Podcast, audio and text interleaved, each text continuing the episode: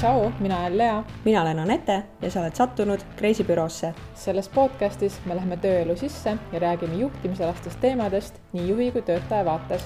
võtame sind kaasa teekonnale, kus me uurime ja avame töömaailma keerukaid uksi. head kuulamist. tšau, tšau, Kreisibüroo on tagasi ja täna me räägime teemast, millega oleme mõlemad väga lähedalt kokku puutunud ja arvatavasti me ei ole ainukesed. Me räägime siis äh, tujudest ja tunnetest töökeskkonnas. põhimõtteliselt me kõik peame käima tööl sisuliselt iga ilmaga ja siinkohal ma pean silmas seda, et äh, meil kõigil on mingid tunded ja tujud, millest hoolimata me peame iga päev ikkagi tööle minema või siis kohtuma erinevate inimestega, kellel võib-olla on hoopis teistsugune tujude ja tunnete farekest kui sul ja täna me räägime sellest, kuidas töötajate tulemused ja ettevõtte edu on tegelikult otseselt seotud juhi emotsionaalse seisundiga. et see on siis probleem, mida me oleme ise kogenud, et kui juht tuleb halva tujuga tööle näitab seda ka välja ja ei varja seda üldse ja tegelikult sajaga, et äh, kuidas, äh, Anette, kui sa mõtled selle peale, kuidas sina töötajana ennast tunned sellises olukorras?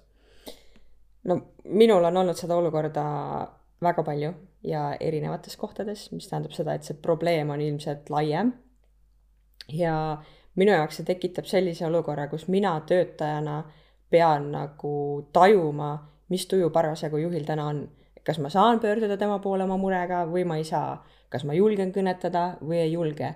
ehk et nagu kogu aeg käib sinu peas sihuke edasi-tagasi pendeldamine ja sa ei tea nagu, mida sa täpselt tegema peaksid.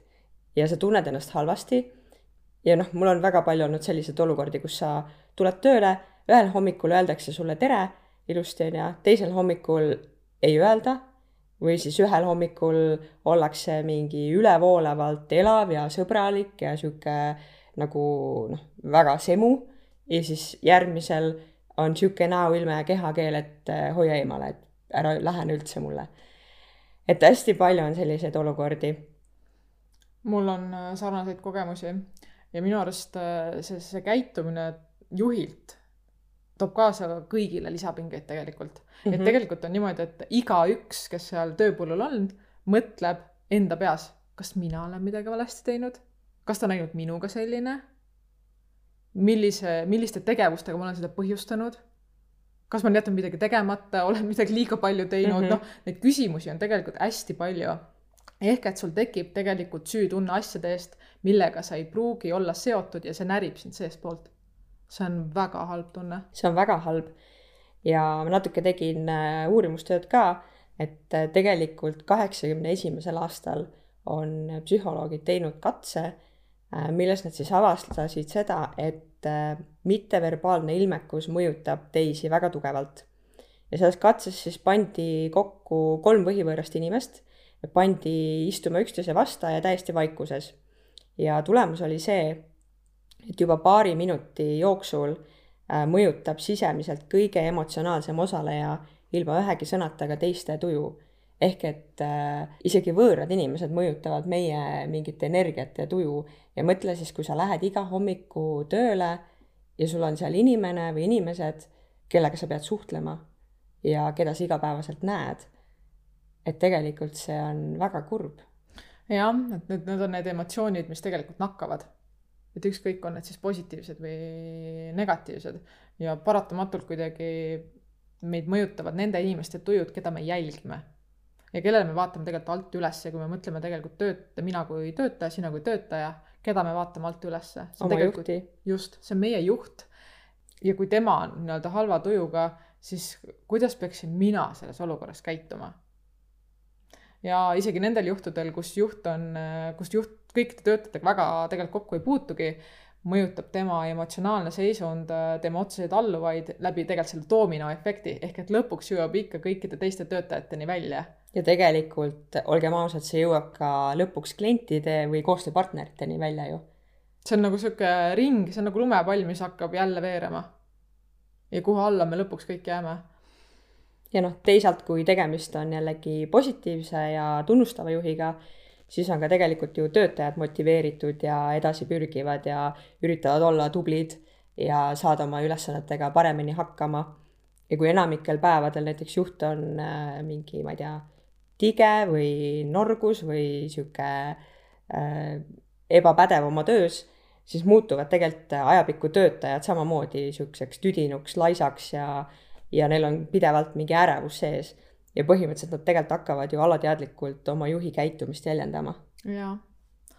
et juhid võiksid rohkem teadvustada, et kui palju nende emotsioonid äh, neid ümbritsevaid inimesi ja seeläbi tegelikult ka tulemusi mõjutavad et äh, tore oleks, kui juhid oskaksid äh, paremini oma käitumist analüüsida ning, ning oma töösid teadlikumalt ka kontrollida ning muuta tegelikult ka vajadusel.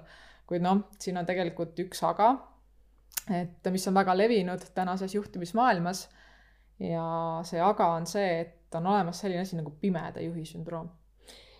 kas see on see olukord, kus juht arvab, et töötajad on temaga täielikult rahul ja tal puudub reaalselt nagu vajadus iseenda käitumises midagi muuta, et ta arvab, et ta on äh, kõik õigesti teinud ja, ja kui, kui midagi on valesti, siis ta kunagi ei näe viga endas, vaid ta pigem eeldab või süüdistab või, või arvab, et see viga on kelleski teises. jaa. nagu praegu tegelikult, kui me räägime sellest, siis mul tuleb täiesti déjà vu. igapäevaselt nii palju kokku puutunud. juht ei tee kunagi vigu. mul on kahjuks äh,, pean tõdema, et sama samad kogemused? kui ma jagan, siis võib-olla ka natukene oma kogemust ja kirjeldan seda tunnet, mis mis need tujud ja tunded on minus tekitanud. sa tegelikult äh, alguses juba ütlesid, et see hommikutere mm, -hmm. see hommikutere, see on nagu, ma ei tea, sa lähed hommikul tööle, sa teretad ju kõiki inimesi, kes sul tulevad vastu.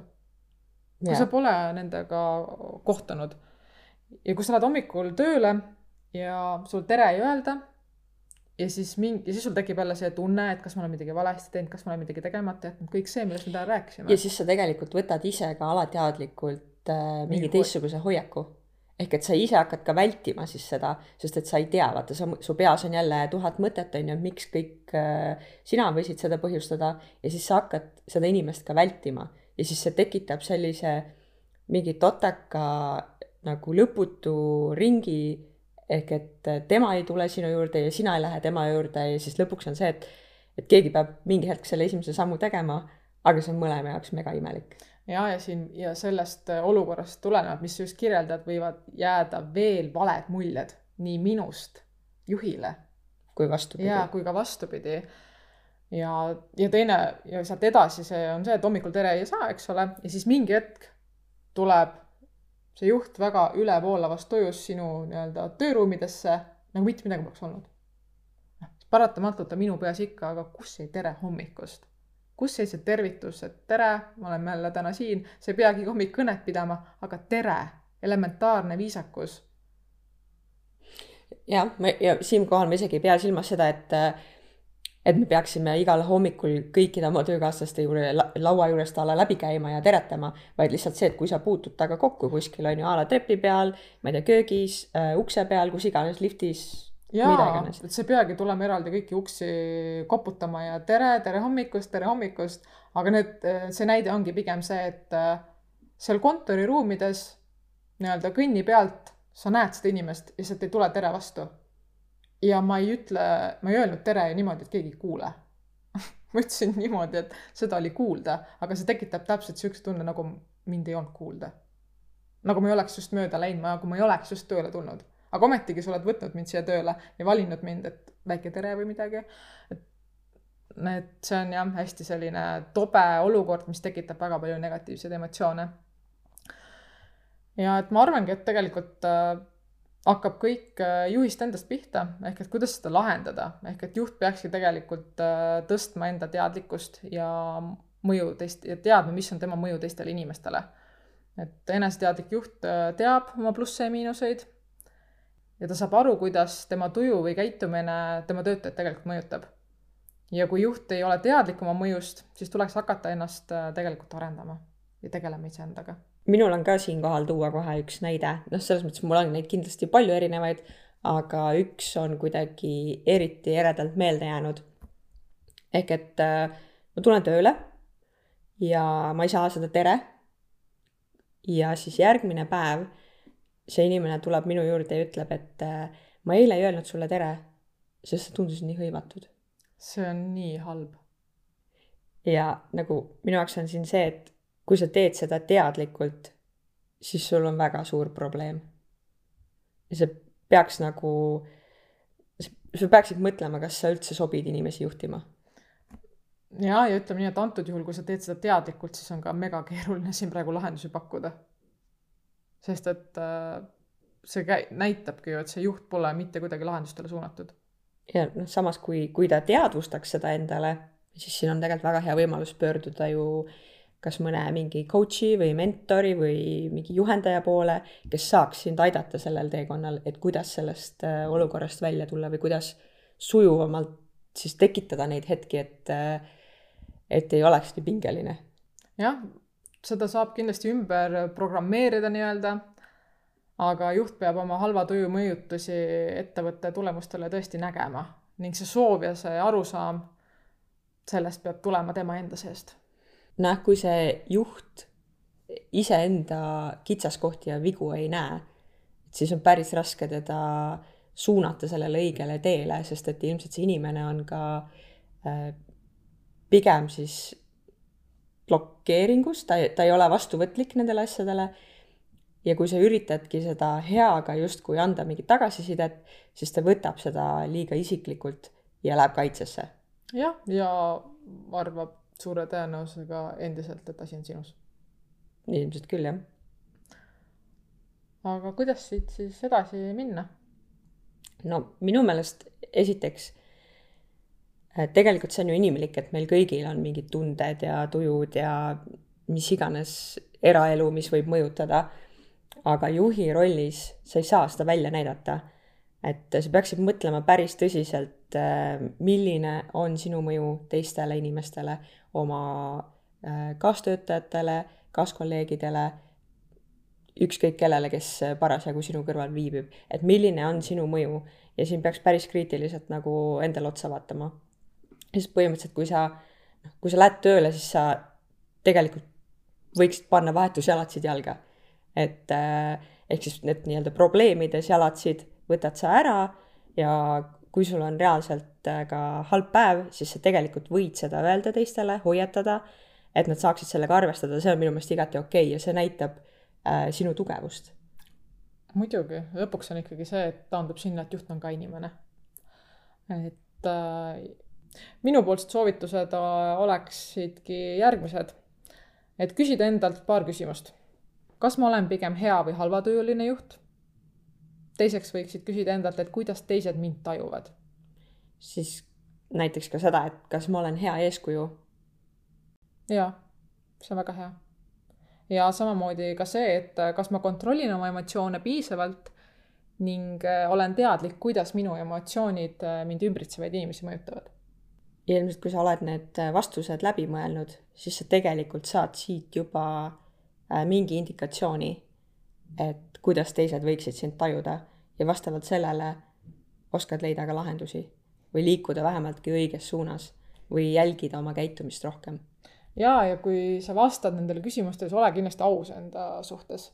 et äh, ja kui sa siit saadki selle mingisuguse teadmise, nagu sa praegu just ütlesid, või selle märkamise, siis tegelikult on võimalus sul äh, nii-öelda leida enda kõrvale keegi, kes sind aitab sellel teekonnal saada siis heast äh, suurepäraseks. Ja tegelikult näiteks, kui sa ise ei oska vastata nendele küsimustele, siis äh, mina küsiksin neid kellegi usaldusväärse isiku käest.